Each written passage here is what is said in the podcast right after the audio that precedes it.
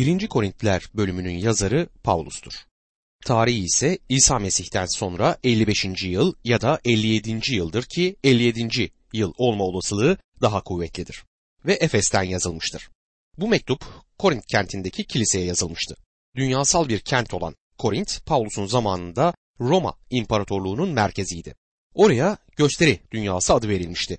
Atina'nın 60 kilometre kadar doğusundaydı ve Peloponnesos'la ana karaya bağlayan dar bir bölgede yer almaktaydı.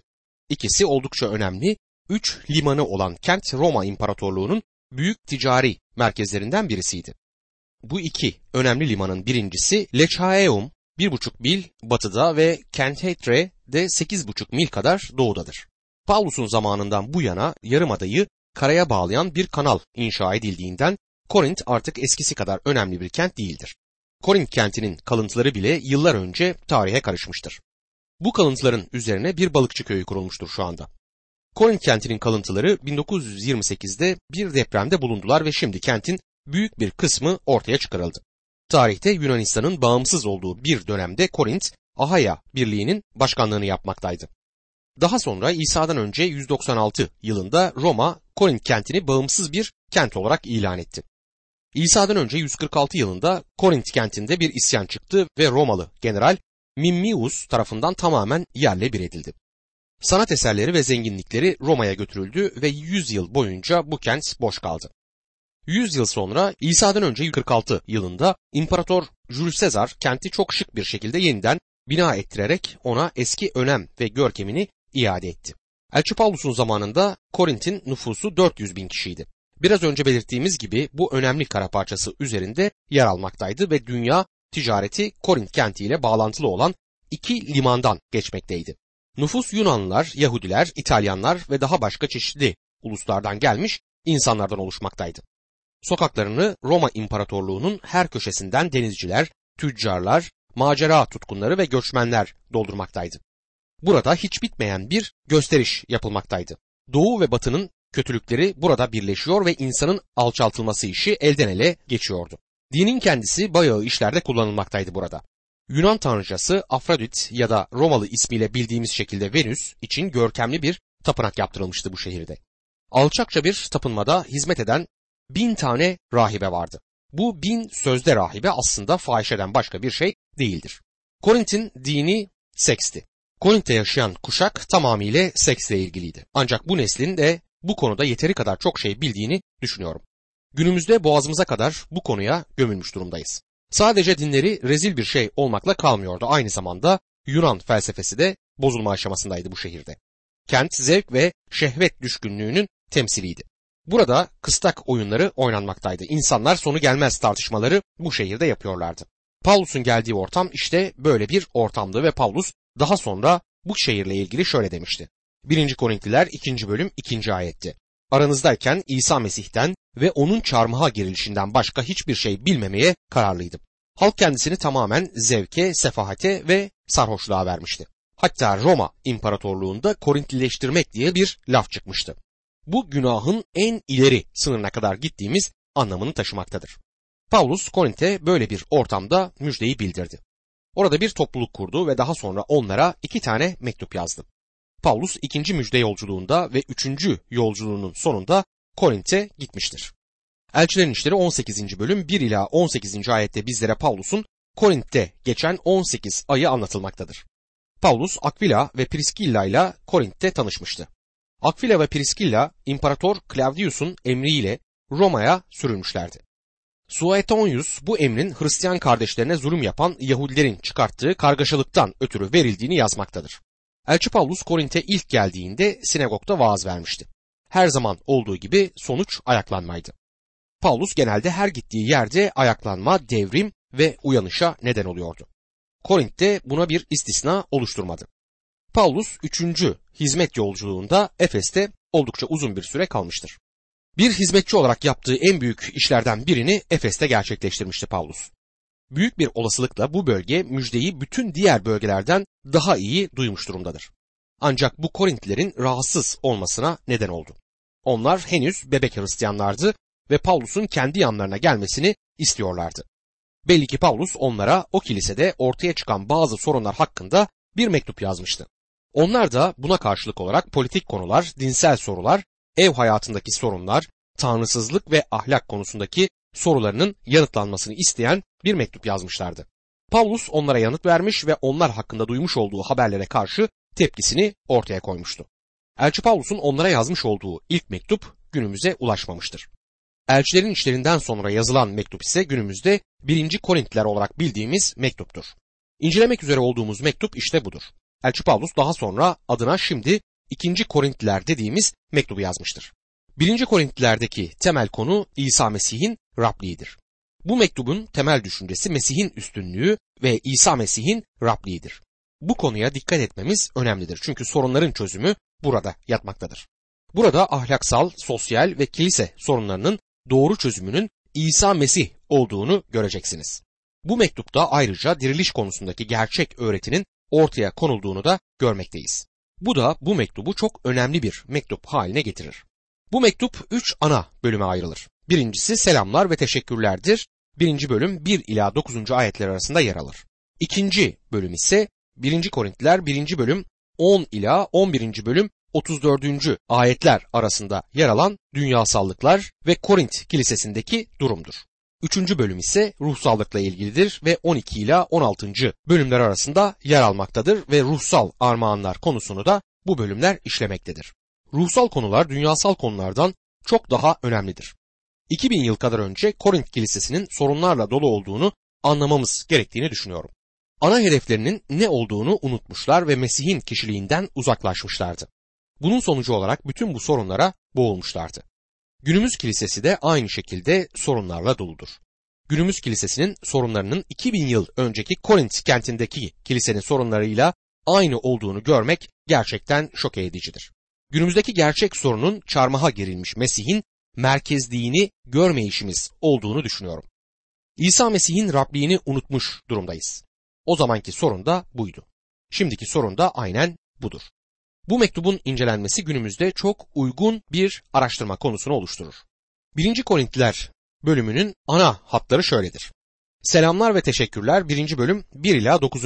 ayetler arasında yer alırken Korint kilisesindeki durumlar hakkında 1. bölüm 10 ila 16. bölüm 9. ayetler arasında okuruz. Bu konular nedir? Birincisi ayrılıklar ve parti ruhu hakkındadır. Bu birinci bölüm 10 ila 4. bölüm 21. ayetler arasında yer alır. Mesih'in çarmıha gerilmişliğinin merkezli ayrılıklar 1. bölüm 10 ila 31. ayetler arasına düzeltilir. Kutsal ruhun açıklanması insansal bilgeliği ise ikinci bölümün konusudur. Üçüncü bölümde Tanrı hakkındaki doğru kavram Hristiyan hizmetini açıklığa kavuşturur. Dördüncü bölümde Mesih'in hizmetkarlarının durumu Hristiyan tanıklığının temeli verilmektedir. Korint kilisesindeki skandallar hakkında 5. bölüm 1. ayetten 6. bölüm 20. ayete kadar söz edilmektedir. Saflığın bozulması 5. bölüm 1 ila 13. ayetlerin ana konusudur. 6. bölümde ise üyeler arasındaki mahkemeler ve çekişmeler konu edilir. Evlilik hakkında 7. bölümde okurken Hristiyanların özgürlüğü hakkında 8. bölüm 1. ayetten 11. bölüm 1. ayete kadar konu edilir. Kadınların giyimi hakkında 11. bölüm 2 ila 16. ayetlerde söz ederken Rabbin sofrası hakkında 11. bölüm 17 ila 34. ayetler arasında bahseder. Ruhsal armağanlar hakkında 12. bölümden 14. bölümün sonuna kadar ruhsal armağanlar konu edilir. Verilen armağanlar 12. bölümde armağanların farklılığı ve birliği sağlamak için verilmiş olduğu 12. bölüm 1 ila 11. ayetler arasında konu edilir. 12. bölüm 12 ila 31. ayetler arasında insan bedeninin üyeleri kutsal ruhun armağanlarıyla kıyaslanmaktadır. Armağanların kullanımı 14. bölümün temel konusudur. 14. bölüm 1 ila 22. ayetler arasında peygamberlik armağanı diller armağanından daha üstün şekilde gösterilir. 14. bölüm 23 ila 40. ayetler arasında yerel kilisede herhangi bir armağanın kullanımındaki düzen görülmektedir.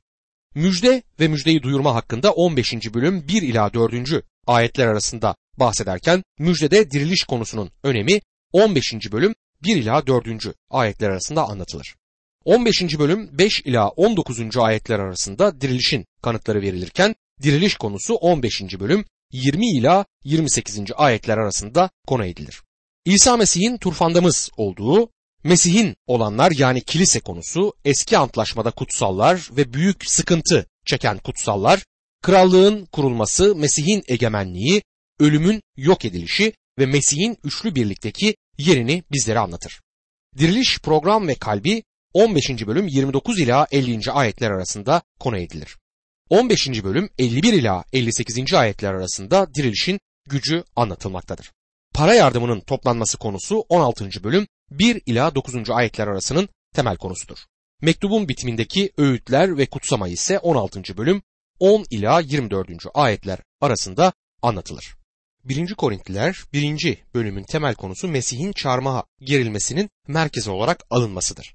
Aynı zamanda ayrımcılıkların düzeltilmesi de 1. Korintiler 1. bölümün temel konusudur. Selamlar ve teşekkürleri 1. Korintiler 1 ila 3. ayetler arasında görmekteyiz. Şöyle yazar. Tanrı'nın isteğiyle Mesih İsa'nın elçisi olmaya çağrılan ben Paulus ve kardeşlerimiz Sostenis'ten Tanrı'nın Korint'teki kilisesine selam. Mesih İsa'da kutsal kılınmış, kutsal olmaya çağrılmış olan sizlere ve hepimizin Rabbi İsa Mesih'in adını her yerde anan herkese babamız Tanrı'dan ve Rab İsa Mesih'ten lütuf ve esenlik olsun.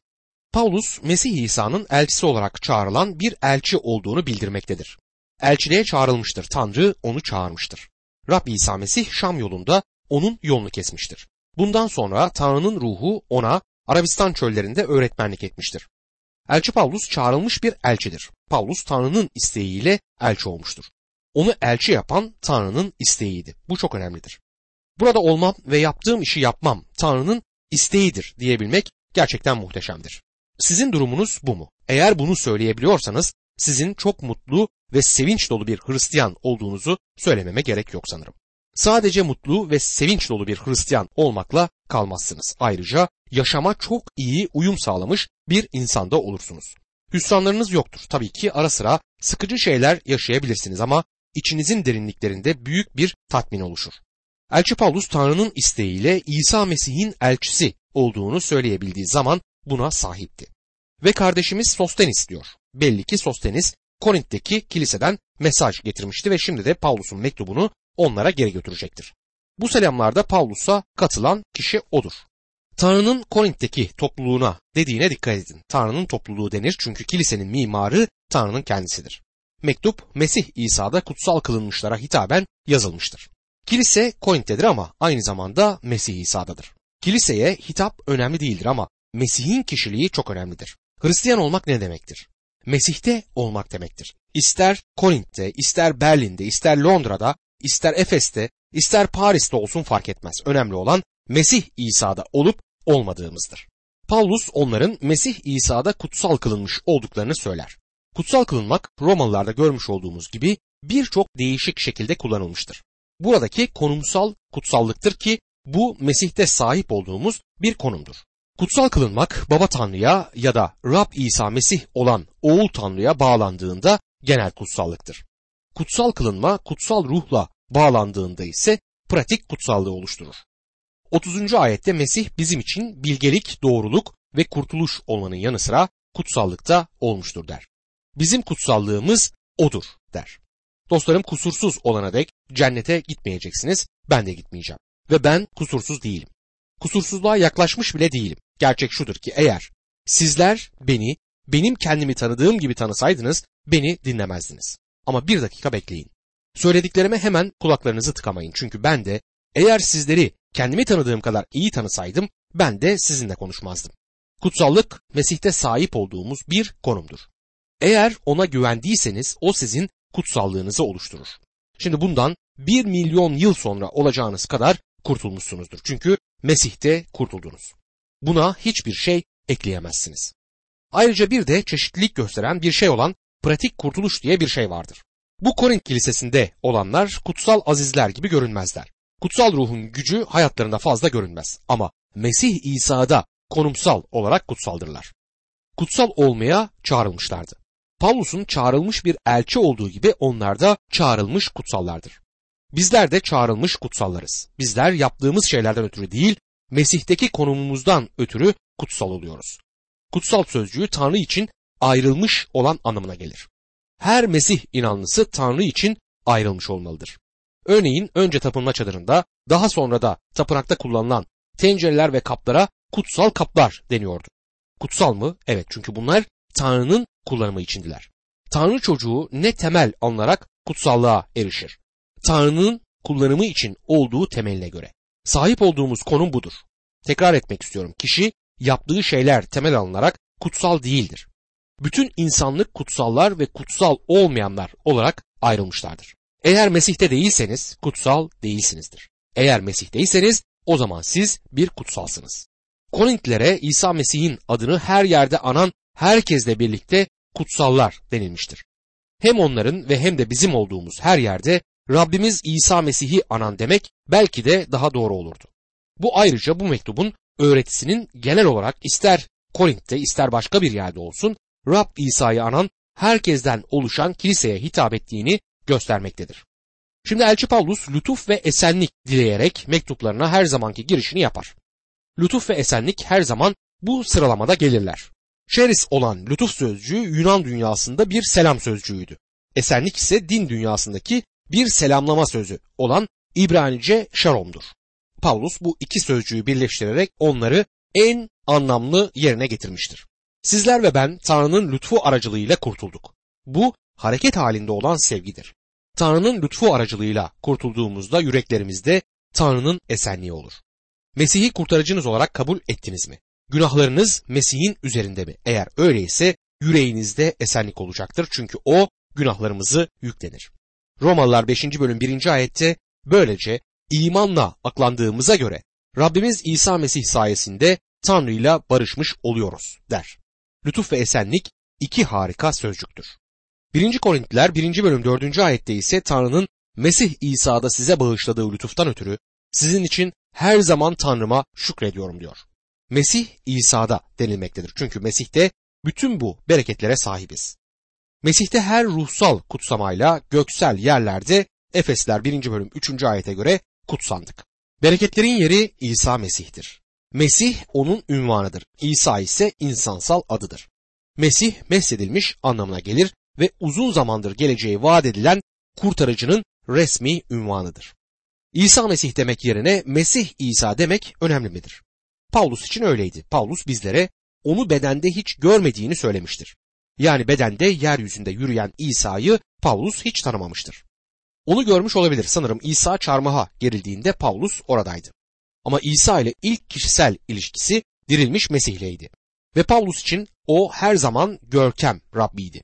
Paulus'un mektuplarının çoğunda İsa Mesih'ten çok Mesih İsa ismi geçer.